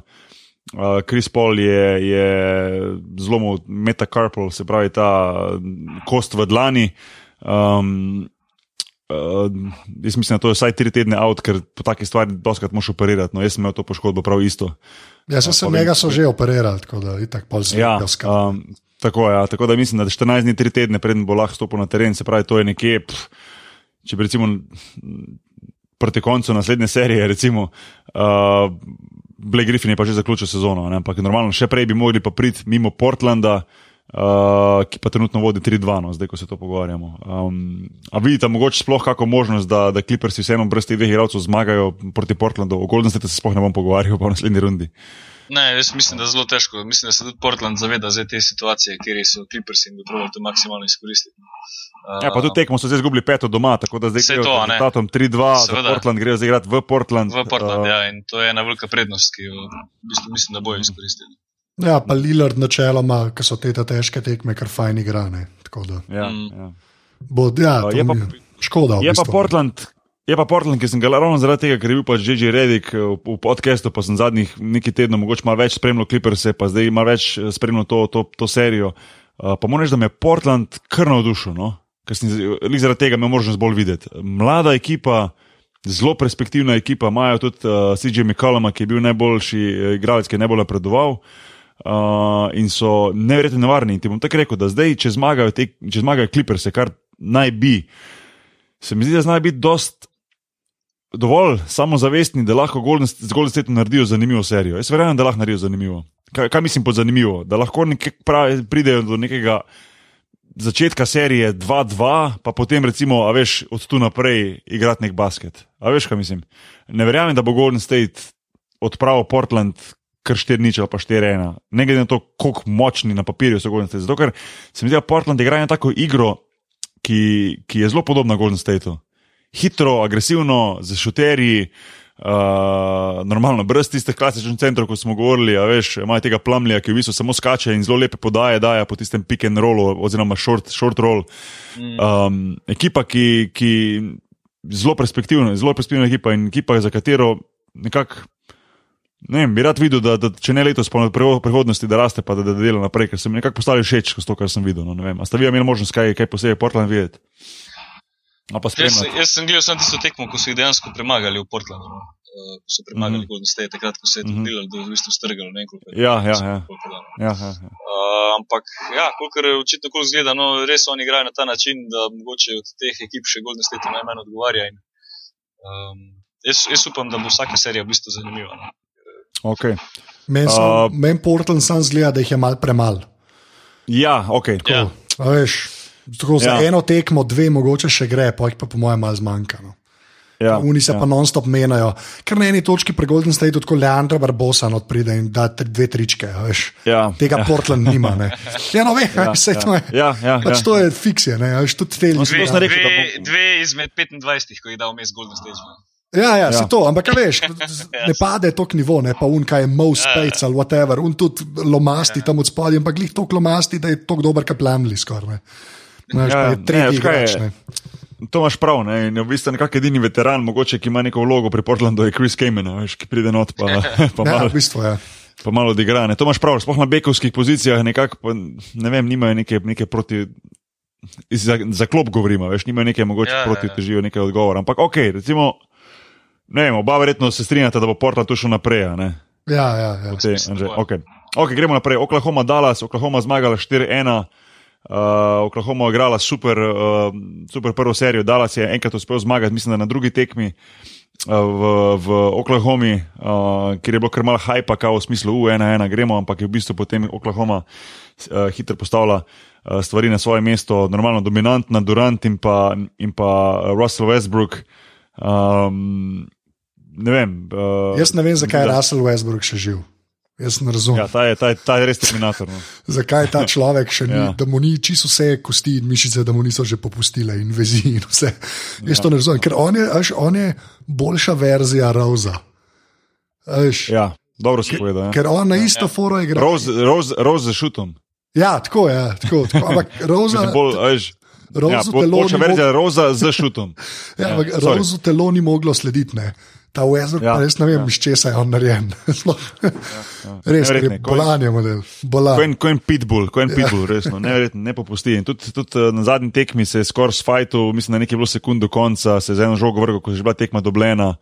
Uh, potem ga je en igralec oddala, se nekako uh, s komovcem po obrazu, je čez noro, skoraj je bila tu neka frka, tehnična. Veš, to hitro pride do nekakega nepotrebnega fajta, bum, uh, suspend za eno tekmo. a Veš, Ja. Uh, tako da me je presenetilo, da je šel v to. Veš, ne vem, če ste videli tisti posnetek, mogoče kak link lahko najdemo kasneje. Uh, ko se je dejansko vrgel za žogo, mislim, da je bilo do konca mogoče ne 20 sekund, 30 sekund tekme, bilo je 8-10 razlike. Se pravi, predvsej nepomembno. Veš, in se šel v bistvu fajtati. In to je bilo pravno, mm. ko rečeš, dobro, so momenti, ko treba malo mal smiriti, veš, ampak očitno ne za njega. No. Um, Dallas pa v bistvu razen, razen Drka, ki me je v bistvu vedno znova presenečal in za katerega sem vesel, da je rekel, da bo še igral. Uh, ne vem, jaz ga kljub njegovi starosti pa, pa zelo smešnim premikom, takim gibom na igrišču, že je taki prostarinski in ga še eno še zelo rad gledam, ker je neverjetno. Ne, efektiven sej to, on v je. bistvu še vedno rastura, konc koncev je. Ja, ja, On neverjetno. je igral z Dallasa, pripeljal je ekipo v playoff. Uh, ne vidim razloga, zakaj bi nehal, če bo mu telo še delovalo naprej, on ko moče lahko igra par let. In glede na to, da je dolg, ima tisti neustavljiv šut uh, visoko gor, ko ga ne moreš v bistvu bananirati. Dokler bo on na tisto eno nogo, se lahko tiste dva centimetra odrinil, le, mislim, da bo lahko še igral. No. Ja. Mogoče. On je full lojalen Dallasu, kar je super videti. In celo kariero je igral Dallasu in bo zaključil Dallasu in bo postal legenda Dallasa in bo jim obe- obesili dres v Dallasu in bo jim postavili kip pred dvorano Dallasu in bo ne vem kaj še se naredili v Dallasu. Mi ga je na en način mogoče žal, da ni mogoče kako leto, dve nazaj šel v eno ekipo, kjer bi se res lahko boril še enkrat za, za prsta. Ne vem, da bi, se mi zdi, da bi kakšna ekipa lahko zelo dobro ponudila. No. Pa ne mislim to zdaj samo San Antonijo, kot rečeš, ja, tisti veterani, ampak veš. Da bi šel v eno ekipo, ki je mogoče tako reče on the rise, a veš, pa pomagal mm. zraven, da bi recimo on bil v Oklahomi zraven, veš, da bi recimo, veš, tak, ena taka ekipa, kjer bi lahko on vseeno Ja. za svojimi 20 minutami na tekmo naredil razliko, prišel noter, bil, bil recimo uh, težek matchup za vsakega, s svojimi izkušnjami dal svoje in bi recimo pomagal ekipi do, do zmage, ker realno gledano uh, z, z, z Dallasom. An, Vse, kar bo še on igral, ne bojo prišli več. Ne, ker mogoče ce- mogoče celo ne do playoffa. Ja, Ja, ker tudi okoli njega ne bojo mogli take ekipe zgraditi, kot bi lahko recimo brez njega Dallasa. Ne. Ne, ker so že letos imeli precej staro ekipo. Le, če gledaš Ja. ja. Devin Harrisa, pa Deron Williams, pa Zaža Pačulija, pa Charlie Villanueva, ja. pa, pa, pa tek naprej. In je to v bistvu dosta stara ekipa, ki počasi zaključuje kot ekipa. Ne. Tako da eh, Dallas je v konstantno, že za neki let zdaj v nekem na pol rebuild modu, veš, in nekako. Dokler ti nimaš točno jasne vizije, koga imaš in koga nimaš dolgoročno zraven, da lahko individualno in ekipo razvijaš, se mi zdi, da nekako nekak ne moreš računati, da boš, da boš igral finale lige NBA. No. Um, dobro, Anže, še karkoli zraven, ali zaključimo to, pa, pa gremo kar naprej na naslednji matchup.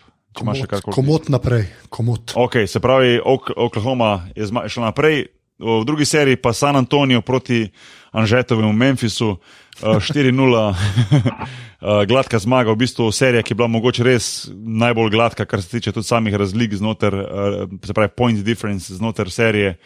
Um, ne vem, San Antonijo suvereno, nekako po pričakovanju, s tistim svojim timskim basketom so, so Memphis totalno razturili. Uh, Memphis enostavno ni imel odgovora, ne glede na to, koliko so si želeli, pa koliko je bilo na momente videti tiste želje, ampak so te, te želje so čist divjali in, in nekako San Antonijo jih je z glavo, da rečem, totalno razmontirano. A Ne, imate še kak komentar? Len Stevenson je najslabši igralec v NBA. Ok, Grega. to je moje mnenje. Uh, ne, lej, mislim, da, da San Antonijo počasi gre v tisti svoji konstantni brzini, vse proti, proti finalu, oziroma da se sre- sreča z Golden Stateom. Uh, Medtem ko pa, ja, žal, te Memphis niso bili kompletni in seveda na ta način se ne more kaj več od njih pričakovati. No. Ja, ja Ok. okay. čisto so razpadli modeli. Tako, kar žalostno Ja. Malo. Je Res, ja, je res. In tu tudi lahko, pred- po mojem, vsaj pričakujemo kakšne spremembe. Res je, da so igrali brez Gasola in brez, a mislim, da je tudi Konel bil poškodovan. ne? Ja, ja, že nekaj Uh, cajt. Tako da to sta dva najboljša igralca v ekipi, ampak vseeno dvojn, da bi neko veliko razliko naredila ta dva igralca. Ne zato, da ne bi bila kvalitetna, ampak enostavno San Antonijo, Ja, to pa je. da je, bil, je, da je premočen. ne. Ja. Ja, pa tudi tu še, Uh, recimo, sam pri Memphisu se mi zdi to, da nekako Memphis je vse čas probo z Gasolom in Randolphom, ta 4-5 kombinacije, dva Ja, močna ja, pod košem in ni jim ratalo na ta dolgi rok to in mislim, da se bo izrekel prej Gasola, ne, ampak Randolpha bi se znali znebiti, če mu ne bo pogodba slučajno prepotekla. Mhm. Ja, uh, Memphis, po mojem, znajti skozi neke skozi določene spremembe. No, zdi, ta, ta, ta ekipa, kot je zdaj, nekako se mi zdi, da so dosegli svoj vrh in bo treba mogoče z nekim drugačnim, drugačnim pristopom probati probat narediti. Uh, uh, bomo videli. Je pa Memphis sigurno v zadnjih letih nekako naredil svoje ime, kot je prej bil vedno nekako zunaj play-offa, pa zdaj postala nekakšna prava ekipa v smislu, da, da, da so nekako v zadnjih letih bili v play-offu, bili uspešni, imajo ekipo. Uh, tudi pred vsemi temi tredi je bilo kar, rekel, fajn gledati, tako sploh, ko recimo Gasol mi je všeč kot center. Um, Uh, bomo videli, kaj bo v naslednjih, naslednjih sezonah. No. Okay, zdaj pa recimo to prvo rundo smo imeli čez, v drugi rundi bomo šli pa malo krajš skozi, glede na to, da smo že zdaj došli že individualno ekipe predebatirali. Uh, vsi smo se nekako strinjali glede, glede uh, zmag, tistih preostalih zmag še v prvi rundi, zdaj pa naslednja runda, pa da mu vsak sam mogoče povedati, kdo bo šel naprej, pa zakaj. Zmeden. Um, ajde, gremo, grega, dam tej prvo besedo. Cleveland, Atlanta, koliko bo skor, kdo bo šel naprej, zakaj? Uh, v Cleveland Atlanta jaz rečem, da bo 4-2 za Cleveland. Uh, se mi zdi, da vseeno imajo, imajo boljšo ekipo in dokler so te tri pri Clevelandu zdravi, uh, mislim, da imajo lepe možnosti, da pridejo do finala. No. Uh, se mi zdi, da Atlanta vseeno nima, nima, nima take ekipe, da bi lahko dejansko Lebrona ustavila in potem je še Irving. In če bo tema dvema zalaufalo, uh, mislim, da bo Cleveland prišel zelo zlahka do finala. Okay. Okay. Ja, jaz se bom sam strinjal z Gregatom. Okay. Iskreno. Uh, ja, jaz mislim, da je ja. Cleveland. Ena, ena stvar, ki mi je zelo všeč pri Clevelandu, oziroma ki sem, ki sem videl kot eno zelo tak dodani, ne vem, kaj bi rekel, dodani faktor ali kakorkoli že, dodana vrednost, sorry, uh, je, je to, da so zdaj v play-offu začeli zelo dobro šutirati. No. Um, vedno so imeli šuterje. Uh, mislim, so imeli, imajo še te, recimo, Kevin Love, lahko zunaj zadane, Jerry Smith je na, na, na, na dobro noč, hvala tudi 10 ali pa 12, uh, Kyrie, Kyrie Irving zlah zadane, uh, dobro, LeBron James ni li šuter, ampak tudi on je nevaren. Uh, in tako naprej, in tako naprej. Uh, ampak se mi zdi, da so v tej rundi, recimo, prvi so dokazali, da zelo, zelo dobro šutirajo. Tudi za en dan, za dva dni so podrli NBA rekord uh, v ligi, v, v NBA, mislim, da so dali, mislim, da dali 21 trojk, kar je bil rekord lige za, za, za eno tekmo v playoffu. Normalno, Golden State je dva dni kasneje rekord takoj popravil. Uh, in mislim, da dali eno trojko več kot oni. Uh, tako da to se mi zdi, da je ena taka vrednost, ki zna biti proti Golden Stateu zelo pomembna, če bojo te dve ekipi prišli. Prišli v, finale. Uh, ja, no, ena, za, ena, v bistvu ena zanimivost je tudi prikrivena, da so Čenik Fraja podpisali med sezono. Res je. Ja, igralcev, ki v bistvu razširi teren in da več prostora in Irvingu in Lebronu za prodore in na ta način seveda lažje igrajo. No. Mislim, da so namerno tudi njega vzeli. No, sigurno, sigurno. To je tako, kot smo prej govorili, ta stretch force, se pravi, četvrka šuter, uh, ki, ki je zelo pomemben, da odpre, da odpre igrišče. Um, ok, tu se vsi strinjamo, Cleveland. Naprej, naslednji matchup, uh, prej smo rekli, da bo matchup Miami-Toronto. Ajde, grega. Oziroma, že je ti prvi. Ajde, oh. Kaj Miami, Toronto? Ne? Ja, recimo, tako smo nekako rekli, da bo. Ja. Ne vem, jaz, jaz, kaj, jaz bom tako rekel, da bo fully zanačen. Veš, Da, jaz klej, mislim, da bo šlo do sedem, kdo pa zmagal. Bom rekel, sam zaradi Gogija, Miami, ampak ne vem. Iskreno ja. ne vem. Ne vem. Če, veš, če se Toronto sestavlja, so lahko zastrašljivi. Ja, ja. Eh, pri Miami pa isto, oni ki dobro igrajo, fajn igrajo. Ne? Tako da res pojma nimam. Jaz ja, rekel, ja, ne, je, bom jaz, bom jaz, jaz bom rekel, da, da Miami. No. Jaz bom rekel, da bo Miami šel naprej. Enostavno se mi zdi, da so individualno imajo izjemno dobre kvalitete, uh, izkušnje bojo prišle naprej, okoliko se boš vrne, vrne jim njihova, zma, mislim, njihove možnosti grejo zelo, zelo, so zelo, zelo večje, zelo, mislim, bomo imeli veliko več možnosti. Um, tako da, če bo matchup Miami, Toronto, nekako vidim, da bo Miami 4-2 zmagal, no, po mojem, tak, tak feeling imam. No. Uh, Grega.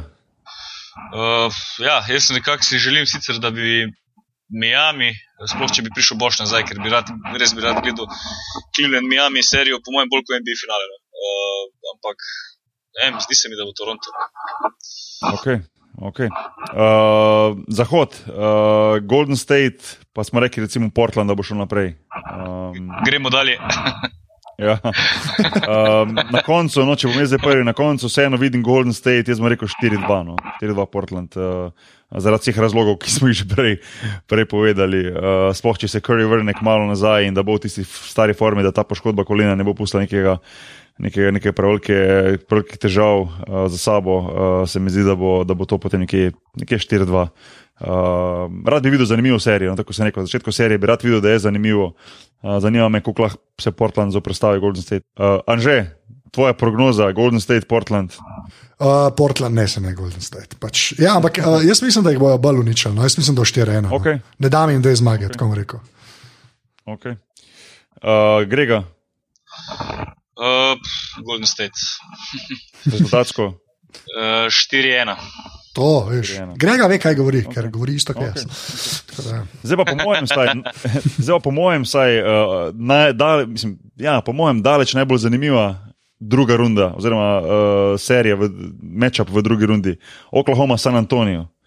Uh, Grega, ajde, da ti prvi. Uh, Kdo, in, kdo, in, za- kdo za koliko in zakaj? To, to je zelo zanimiva serija, predvsem zaradi tega, ker se dve ekipi srečata, ki imata popolnoma drugačen slog igranja. Ne. In tule bo zdaj dejansko odločilo predvsem v tem pri Oklahomi, če bo ta imela Westbrook in pa Durant vsako tekmo res tisto noro pravo tekmo z 30-40 pikami. Potem bi dal prednost uh, Oklahomi, ampak če bo San Antonijo uspel enega od teh dveh igralcev malo zaustaviti, da, pre- da spravi ekipo pod recimo 100 pik, uh, je pa tu v veliki prednosti San Antonijo in glede na to, kako v bistvu obe ekipi igrata skozi celo sezono in kak sistem ima Popovič že z Spursi v zadnjih 15 letih, bi dal tu prednost San Antonijo. Se pravi, reče, reče San Antonijo. San Antonijo v šestih tekmah. Ok, Anže. Če, jaz mislim, o moj bog. Ja. Veš Kaj, jaz imam sam feeling, da kakorkoli je meni, pač Oklahoma tudi kul. Cool, Se mi zdi, da sprsi še zmeram, da so mal daljši. Ker bo treba igrati, kot je Grega rekel, mal dalj cajta. Ne? Mogoče ne glih sedem, šest tekem ziharne. In pa na šestih tekmah ne vem, če je lahko Oklahoma tako močna, kot so lahko sprsi. No. Mhm. Pa ne govorim o metu Bonnerju, ne, če ne, ne da on slabo. Ja, in sploh to, recimo San Antonijo Žita, ki igra doma, ima prednost domačega terena, leta so bili suvereni, uh, v bistvu doma, ne, izkušnje imajo na svoji strani. In dejansko se moraš vprašati, ali lahko v sedmih tekmah štirikrat Oklahoma premaga San Antonijo. To je tisto glavno vprašanje. Če bi bilo to ena tekma, Final Four varianta, le 50-50. Tekma se mi vseeno zdi, da moraš biti dejansko štirikrat boljši od San Antonija, zmagati moraš pri njih eno, če ne dve tekmi. Uh, ne vem, če ima dejansko Oklahoma to, to sposobnost, da to naredi. Uh, ne vem, jaz pa. Jaz sem pa, jaz sem pa kontriral, jaz sem pa rekel, veš kaj, po mojem, jaz sem pa feeling, da bo Oklahoma tule mogoče za, za marsikega presenetila San Antonijo in zmagala. Um, ne vem, imam nekak feeling, zdaj sploh potem, ko sem videl Oklahoma v tej prvi rundi, pa ne da to pravi pokazatelj, ker tako Oklahoma kot San Antonijo sta imela v prvi rundi res lahko delo in mogoče ni lih ne, najbolj realno se videti ekipne forme, individualne forme, ko enkrat zmaga 4-4-1. Lahko, ja, po eni strani, po drugi strani pa ne veš točno, so bili recimo njihovi nasprotniki tako slabši ali so bili oni tako dobri. Uh, ampak vseeno jaz mislim, da, da, bo ta, da bo ta naveza Durant pa, pa, pa Russell Westbrook vseeno. Vseeno, mogoče malo preveč, malo preveč za San Antonijo. Nekako jih, jih vidim, da sta neverjetno uh, motivirana, neverjetno nekako povezana, uh, imata neko tako energijo, ki jih mogoče. Ne vem, mogoče v prejšnjih letih mogoče nisem videl, pa se mogoče samo meni zdi, ko jih zdaj malo spremljam, ampak nekako nekak, nekak mislim, da bo Oklahoma zvlekla ven San Antonijo. San Antonijo zelo prvoščim, njihov sistem igre mi je zelo všeč, njihova ekipa mi je zelo všeč, uh, uh, na kak način razmišljajo, sestavljajo ekipe, dodajajo dele. Uh, igre, pač poleti, ko dodajo free agent, tako vedno dela nekako prave, prave odločitve, ampak se mi zdi, da bo Oklahoma zmagala. No. Jaz bi rekel nekako 4-2 ali pa 4-3 Oklahoma. No. Um, Ampak, ok, zdaj, ko smo, zdaj pri, zdaj smo prišli pa recimo do finala na vzhodu, pa na finala na zahodu, pa bomo šli tako naprej. Glede na to, da smo vedno rekli 2 proti 1, recimo, um, Grega, uh, recimo, zdaj smo tu dva, sta rekla San Antonijo, jaz sem rekel Oklahoma, bomo rekli, da gre naprej San Antonijo, recimo, in tako naprej. Uh, se pravi, za, na, na zahodu smo nekako rekli, jaz pa že sem rekla Miami. Um, tako da uh, bomo rekli, recimo Cleveland, Miami, finale, finale vzhoda. Če prije do tega, Grega, koga vidiš, uh, rezultat pa kdo gre naprej. Pa ni treba preveč na dolgo, ker že tako debatiramo, ko bo daleč. Ne, jaz eh, iz teh štirih ekip vseeno se mi zdi, da bo repeat lanskega finala. No, se pravi, No, ampak samo na vzhodu, Zdaj- mislim, recimo meča, Na vzhodu, v bistvu, Cleveland, ja, v bistvu Cleveland, Cleveland, Miami, uh, po mojem Cleveland v ene šestih tekmah, sploh če prije še boš zraven. Uh, tako da, ampak vseeno Jasno. prednost Clevelandu. no. Aha, aha. Uh, Anže, Uh, ja, ja, Cleveland. Ja. Ker so ja. pač oni tam, tu se strinjam. mislim, da vzhod imajo oni pač več ali manj zase rezerviran. ne. Mm, mm. Uh, ok, recimo na zahodu, Golden State, San Antonijo, kolikor bo, bo to finale zahodne konference. Uh, vidite, mogoče kako možnost, da, da San Antonijo, mislim, možnost, da je možnost, ampak tako. Kdo dvaja resno misli, da lahko San Antonijo v finalu premaga Golden State, ali je Golden State vseeno tako premočen, tako dominanten, ne vem, s to svojo igro, enostavno jih ne more, ne more parirati, ne more loviti San Antonijo, sploh pa ne tako gre ga prereko v sedmih tekmah, veš, uh, se moraš predstavljati, da je pa serija maksimalno sedem tekem in štirikrat premagati Golden State je, oziroma so s prsti sposobni tega, anže. Pa jaz mislim, da ja, jaz mislim, da dejansko, ko bo treba, pa ko bo finale. Ne.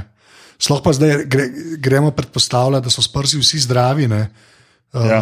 Golden State pa saj malo načet, kot so zdaj le. Uh, ja. Bo kar zanimivo. Pa, pa nismo ga še omenjali, ne? ampak Kowaj Leonard ratuje tako eden najboljših igralcev, ever počas. Pa vem, da je to ful prehiter za reči, ampak ja, malo časa ampak... je že tako. Uh, Ne, neverjetno. Ja, recimo, uh, se, to, to, to bo zelo zanimivo, če se bodo te dve ekipe dejansko srečali v finalu. In tu mislim, da ima Popovič še ogromno trikov rokav, ki bo probo stresiti nad Golden Stateom. Se mi zdi, da in tudi v rednem delu ni vsega pokazano. In ena stvar, ki mislim, da bo ključna za San Antonijo, da mogoče lahko premaga Golden State, je ta, da ne bojo dali Kawaja, da pokriva Stefa Krija, koliko ga je tudi večino časa, ampak da ga bodo dali na Grina, ne treba Grina. Mm. Mislim, da če bo tu naredili ta adjustment, pol ima San Antonijo možnost. Okay. Um, ja, jaz eno mislim, da Golden State na koncu bo. No, se mi zdi, da serija štirikrat premagati Golden State, uh, se mi zdi, da, je, da, je, da, da bo prevelik zalogaj za San Antonijo. No. Ne glede na to, da nekako bi si želim sam, da bi San Antonijo vseeno zmagal in prišel v finale, uh, mislim, da bo na koncu Golden State, uh, Golden State zmagal. No. Um, recimo finale, evo, nekako se mi zdi, da na koncu verjamemo, nekak, da bo Golden State Cleveland, no, če gledam po večini. uh, uh, komu, komu date tu le večjo možnost, oziroma tako rekel, ima Cleveland možnost, da letos zmaga, če lani ni. Z novim trenerjem, z zdravim Kari Irvingom, z, ki bo igral, na, predpostavljamo, celo serijo, z, z zdravim uh, Kevin Lovom, ki bo, predpostavljamo, igral celo serijo v finalu, če bo prišel do tega. Uh, se lahko zgodi. Pa jaz mislim, da je, da je finale je bolj San Antonijo. Um, Aha, ok, pa, pa to povem. No, ne, pač San Antonijo, Golden State, mislim, da je finale. No. A, ja, da je to prav. Ja, ja, da to, ja, ja, realno ja, gledam, res razen neke poškodbe ali pa neki, vse je Cleveland, Cleveland, sam ni. No. Res, tako, dejansko je ta zahod je tako močen. Da, edino oni mogoče malo bolj spočiti skozi pridejo, ne, recimo Cleveland. Sam, no, no, zaenkrat. Uh, jaz prej pol, če že Golden State v finalu, recimo Golden State. Mm -hmm. um, ja, uh, jaz tudi sam mislim, da na koncu Golden State, da bo, da bo, da bo zvlekoven, uh, pa ne zvlekoven, robe sem rekel, da bo uspel upravičiti se tiste, ki verjamejo, mišljenja vseh tistih, ki verjamejo, da bo na koncu, da je najbolj dominantna ekipa. Se mi zdi, da, Golden, da Cleveland vseeno ne bo imel dovolj. Uh, da zmaga. Uh, bo pa zanimivo, recimo, videti, uh, recimo, koliko pride do tega finala in koliko Golden State spet zmaga proti Clevelandu in pride do nekega rezultata, recimo 4-1, 4-2 v finalu. Kam, kam od tu gre potem naprej Cleveland, kam gre tu LeBron James, v katero smer bo šel Cleveland. Veš, dvakrat si prišel v finale za podobno ekipo, ok, prvič si imel malo težave s poškodbami, ampak zdaj si zopet prišel v finale, pa zopet zgubiš, veš. Da si, da si, da si ne vem, GM Clevelanda, recimo, katero smer pol greš, še strajaš to ekipo ali narediš spremembo, pa probaš traditi lova za, za kakega dominantnega centra, ali, ali veš, kaj mislim. To je pol. To je pa malo tako, ne? ampak eh, bo pa vsekakor, po mojem, uh, uh, tako vedno zanimivo, finale, vrhunski basket. Uh, ja, zmago pa nekako pripisujem, oziroma pričakujem, da bo na koncu zmagal Golden State. No. Grega, še ti? Uh, Cleveland 4-2, ne zabavam se. Uh, Uh, ne, mislim, da smo vsaj v finalni seriji vsi enotni in bom rekel tudi Golden State, da, ampak recimo ede 4-2 za Warriors. Okay. Okay. Zaradi vseh razlogov, ki smo jih povedali prej. Tako, da se ne ponavljamo. Ja. Uh, okay, zdaj pa, če na hitro sam prešaltamo v Evropo, pa bomo zelo na hitro šli v Final Four Euroleague, ker sem na začetku obljubil, da bomo dali še, še Euroligo čez. Uh, smo pred Final Fourom Euroligi, uh, na finalnem turnirju Moskva, uh, CSK Moskva, Lokomotiv Kuban, Fenerbahče in pa Laboral Kuča um, CSK Moskva nekako po pričakovanju, na Final Fouru Fenerbah, če mogoče tudi po pričakovanju, pa imaš pa dva, dva, dva, zraven dva, vsaj pred sezono, totalna outsiderja, kar se tiče uh, Final Foura. Um, da ne morem reči totalna outsiderja, ampak recimo dve ekipi, za katere sem prepričan, da tisti, ki so resno razmišljali pred sezono, pa resno sestavljali Final Four, jih niso vrstili noter. Um, Lokomotiv Kuban, ki je zelo presenetljivo odpravil Barcelono, ne glede, to, ne glede na to, da so imeli prednost domačega terena, pa so bili zelo, zelo suvereni uh, skozi celo sezono. Uh, pa Laboral Kuča, ne kot edina španska ekipa. Um, uh, pa gremo kar meča povedati. Uh, CSK Moskva, Lokomotiv Kuban, že kakršno koli presenečenje. Vedno tako rekel, glede na to, da se igra ena tekma. A veš, kaj mislim? Ja. To je razlika, to je velika razlika. Ne? Je, ne, To, je, to, to, to, prese, to prinaša presenečenje in to so določeni pritiski, to so dnevne forme. Pa sploh, kadar imaš recimo ti ekipe znotraj iste države, recimo CSK Lokomotiv Kuban, ki sta se srečala recimo že znotraj tiste njihove VTB lige, pa se pričakuje, da bo CSK zmagal, pa so favoriti. Misliš, da se lahko kaj zgodi tule ali ne? Ali misliš, da bo Ja, jaz- jaz- od, oddominiral? Ja, jaz mislim, da ne. Jaz mislim, da bo CSK kleče izpršil. Čeprav imaš prav, ne, Final Four je le Final Four, ne, je drugačka ne, serija. Ne, sam, ne, Jaz sem no, to že stokrat rekel. Meni Final Four za profesionalni basket je totalno anti, mi sploh ni všeč, zato ker ne dobiš realno vedno najboljše ekipe ven za Ja. zmagovalca. Ja. Veš, kaj mislim, to smo že stokrat omenili. Je pa po svoje zanimivo lih to. Veš, lih v teh situacijah zdaj je pa zanimivo, ko imaš en lokomotiv Kuban, za enega, ki mogoče basket prežge dvakrat na, na, na, na šest mesecev na televiziji, sploh ne ve, skje je ta ekipa. Pa na drugi strani CSK Moskva, a veš, in je pa tu nek, nek čar o tem, kako v ena tekma, v zadnja četrtina začne, samo tri pike vodi CSK, a veš, pa je takoj neka panika. Veš. Um, ampak dobro, misliš vseeno, da bo CSK zvleko. No? ja, ja. Ok, Grega, ti misliš, da je kakšna možnost, da, da tule sploh prije do, do šok, šoka ali ne? Ne vem, ne vem, zakaj se bolj nagibam k Kubanu. No, sploh zdaj, ko so premagali Barcelono, mislim, da je še toliko bolj eh, sproščeno, pa samo zavestno gre na ta Final Four. to je, to je njihova Uh, moč. a veš, to je njihova, to je njihova in moč. To ja, je, to je njihova to, ja. prednost. In kadarkoli se igra ena tekma, so vedno v psihološki prednosti ekipe, ki so mogoče na papirju slabše, ker dejansko nimajo kaj izgubiti. če bo prišlo do tesne končnice, kar Kuban v bistvu je sposoben narediti, glede na to, da imajo zelo dobro obrambo letos v Euroligi, in uh, na drugi strani ima Moskva uh, Teodosiča, ki še ni prišel do zmage na Final Fouru in če se bo začelo tu lomiti, bo po mojem tudi Miloš začel malo razmišljati o tem, letos spet ne bo šlo in ne vem. Jaz bi dal bolj prednost tu, mogoče Kuban. Okay, ali zaradi tega, ali zaradi tega, ker je manj pritiska, Ja. uh, ta Ja, ja, uh, element presenečenja. Ja. Ja. ja. Ok, Fenerbah, če. labo- Dobro, jaz bom samo rekel, tek, da jaz pričakujem, da bo CSK vseeno zmagal. No, uh, si pa dal good, in dober point, pa te nekako grega, te raz, mislim, pravilno razmišljaš, oziroma tako rekel, ne bi bil čist presenečen, če zmaga tu lokomotiv Kuban. No.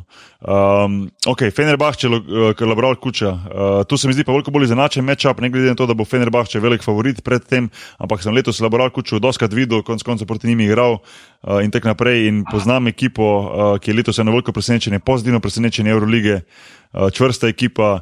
Uh, homogena ekipa, uh, ki pa na nek način tudi igra brez nekega pravega pritiska, ker je v bistvu Fenerbahče tisti, ki naj bi zmagal to polfinalno tekmo. Um, tako da, um, jaz bom tu rekel, uh, jaz bom rekel vseeno Fenerbahče na koncu, ampak se mi zdi, da bo, da bo imel Fenerbahče veliko teže delo v tej prvi tekmi kot pa CSK. No. To je moje mišljenje, kot pa CSK po finalu. Anže? ja, jaz tudi ne bi stavil proti želetu. Realno Ja. gledam.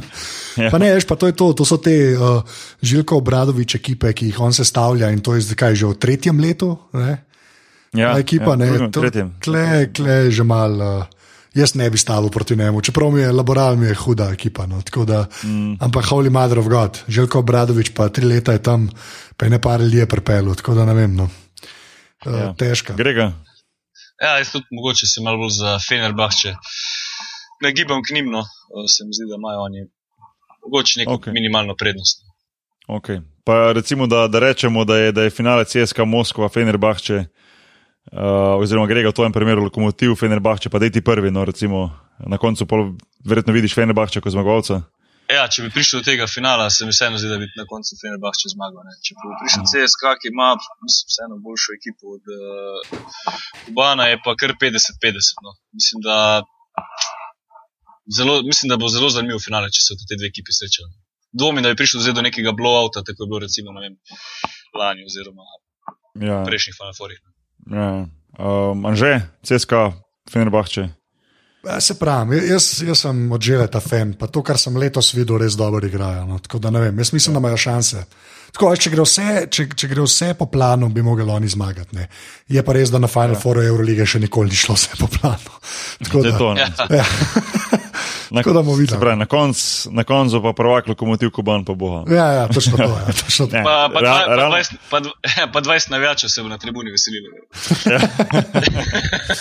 ne, uh, CSK, CSK Fenerbahče finale, jaz na koncu mislim, da bo na koncu le zvlekel CSK, da bo zmagal CSK. Um, Kako se mi zdi, da je da je res čas, da oni koncu zmagajo. To, kar se bližuje v finalu, pa ne samo zato, da je čas, da zdaj treba, ampak uh, se mi zdi, da imajo ekipo, da imajo sestavljeno ekipo na pravi način, imajo izkušene igralce, uh, imajo nekakšen rep in glavo.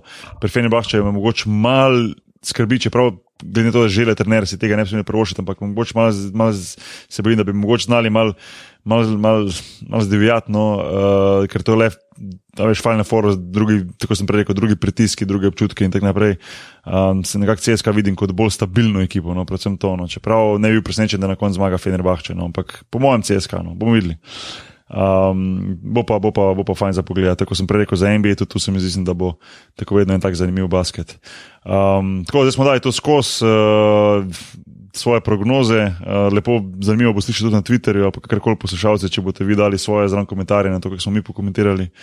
Um, na, jaz sem šel v internetu, sem šel omenil, Anže, ne vem, če ti spremljaš, kaj pa gre, zdaj to dogajanje med FIBO in Euroligo. Um, To smisel sem že na hitro pokomentirati. A ste spremljali, kaj, kaj se tu dogaja, tudi za temi suspenzi, reprezentanci pa to, ali bolj površno, ja. sploh ne? Ja, kaj, ja, jaz površno bolj, ampak eh, vseeno mi ni všeč, da se to dogaja. Mislim, da je košarka tista, ki ga na koncu najbolj nasrka. In mi je, mi je zelo žal, da se take stvari v bistvu še dan danes dogajajo, no, sploh košarki. Ja. No, za tiste, ki ne vejo, tiste, ki ne vejo, pač ja, pač FIBA, FIBA nekako.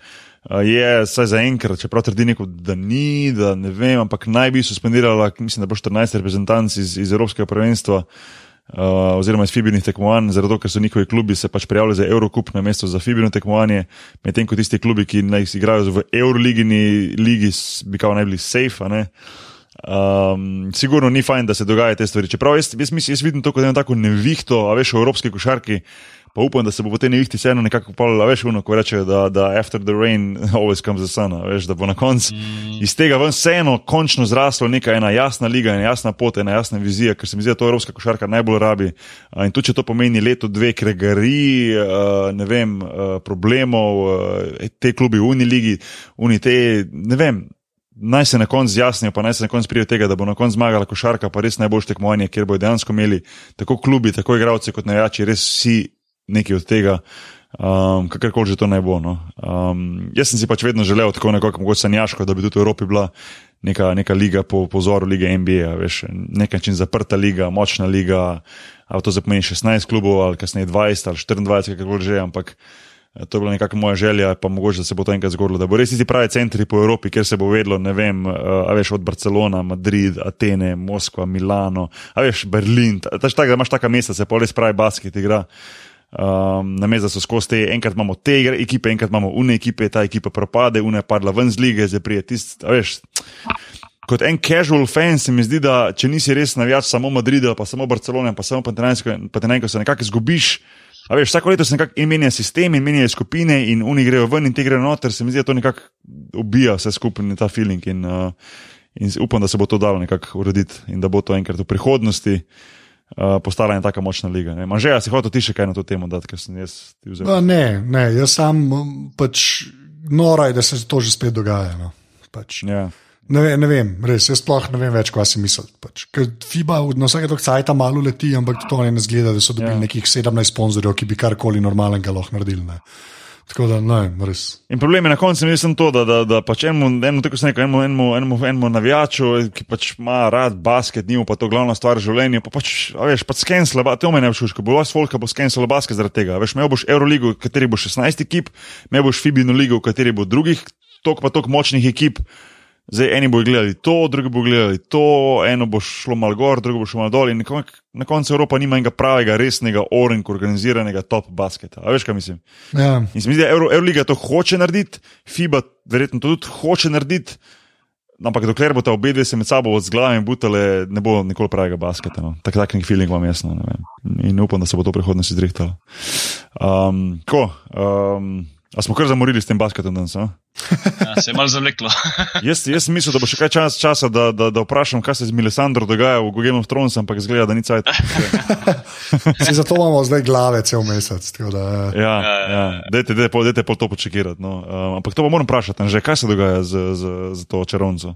ne, ve, ne, Naprej. vem, ne vem, to je zdaj, ker ni več knjig, ni več vodila, Ja, ja, zdaj smo vsi napaljeni, nič se ne ve. Ne. In kaj je glavna, te, kaj je glavna teorija?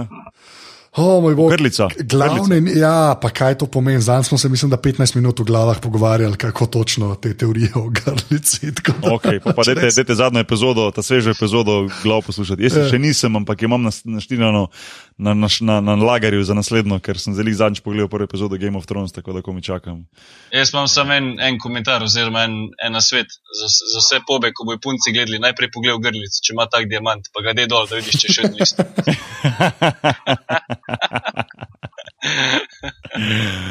To si dobro povedal. Ja. Uh, ok, neč. Uh, jaz, Grega, ful hvala, ful dobra debata za basket. Se mi zdi, da smo šli skozi uh, ta playoff res do, do potankosti, kako smo lahko v tej dobri uri. Uh, pa mogoče v naslednji taki priložnosti, veš, da bomo spet, bomo spet kjer rekli basket. Se mi zdi, da so vedno take debate najboljše, sproščene, brez nekih planov, pa nekako prosto debatiranje. Tako sem vedno rekel, podcast delati na način, kot da si v kafiču meniš, to je to pa na koncu najboljši spade. In, uh, In, uh, in, in gre, gre ga tako, da hvala. No. Zdaj pa pet igrate board games, ker veš, da, vem, da te že čakajo, frendi. Lej, lej, danes je board game night, tako da moramo odigrati. Ja. Prvo še povej, kje se ta najde na internetu.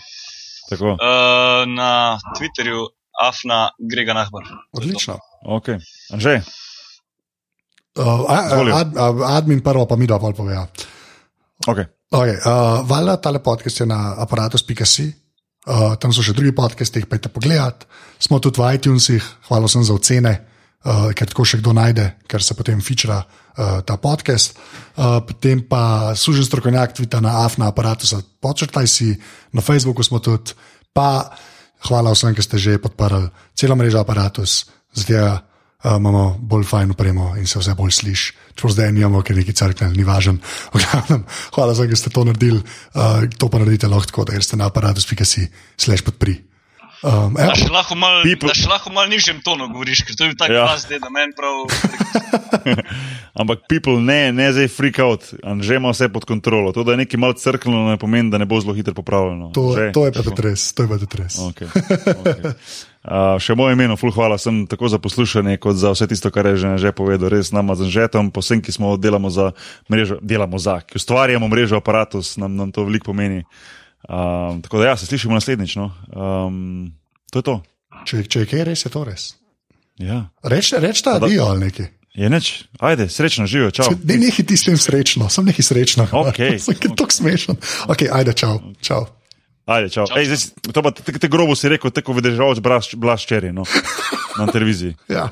Te grobo si to zdaj povedal, da je malo bolj prijazno, Ja. ne, ne bi te grob kot blaš. Zdaj, unik, ne veste, kako je držal zblaž, pogooglite ga. Uh, Drugač pa ja, to, to je zdaj moje življenje. Uh, Boki Nagbar mi preko WhatsAppa pošilja, hej, držal zblaž je pa te. to, to, to je bil highlight, Vredno- highlight dneva včeraj. je bil, Vredno ogleda, evo, Vredno free, ogleda. plug za, free plug za blaža, vredno ogleda, sem to rekel. Ajde, čau. Ajde, čau. čau. Ajde, čau, čau.